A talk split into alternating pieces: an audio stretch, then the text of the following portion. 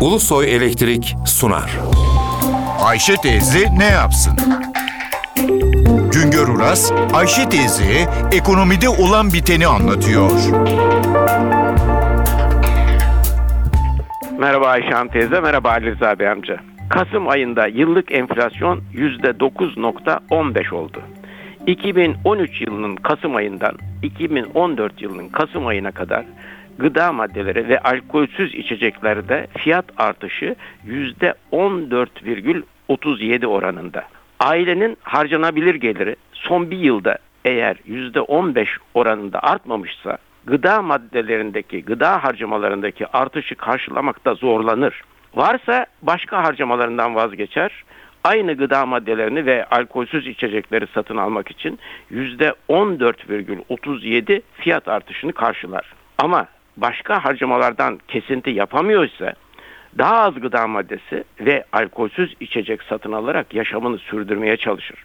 Günümüz şartlarında çok az ailenin net geliri son bir yılda %15 dolayında artabildi. Türkiye İstatistik Kurumu belirlemelerine göre toplam hane halkımızın kullanılabilir gelirlerinin %46'sı maaş ve ücret gelirleri, %18,5'u emekli geliri.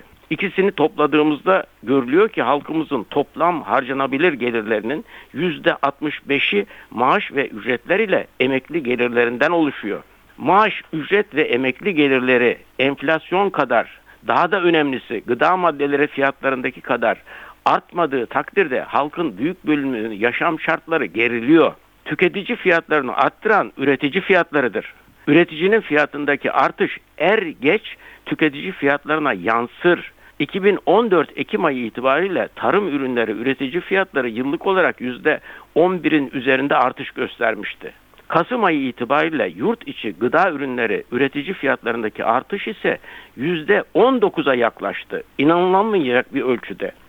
Açık anlatımıyla tarım ürünleri fiyatlarındaki ve de işlenmiş gıda ürünleri üretici fiyatlarındaki artışlar henüz tam olarak tüketici fiyatlarına yansımadı. Ama önümüzdeki aylarda enflasyon bu artışlardan etkilenecek. Petrol fiyatlarındaki gerileme, doğal gaz fiyatındaki indirim olasılığı önümüzdeki günlerde enflasyonun aşağı inmesinde etkili olabilir mi? En fazla merak edilen konu da budur. Hükümet elektrik ve gaz faturalarının artmaması için doğal gaz zammını uzun süredir geciktiriyor. Sonunda BOTAŞ'ın zararı 2 milyar liraya ulaştı. Doğal gaz faturasındaki ucuzlama tüketiciye yansıyamayacak. Olsa olsa doğal gaz ve elektrik zammı oranını biraz azaltacak. Elektrik ve doğal gaz zammı olmazsa olmaz zamlardır. Petrol fiyatlarındaki gerileme ise tüketiciye çok az yansıyabiliyor. Çünkü akaryakıtta maktu yani fiyata göre değişmeyen bir ÖTV uygulaması var. ÖTV'nin üzerine binen bir KDV yükü var. Ürün fiyatının ucuzlaması tüketici fiyatına yansıyamıyor.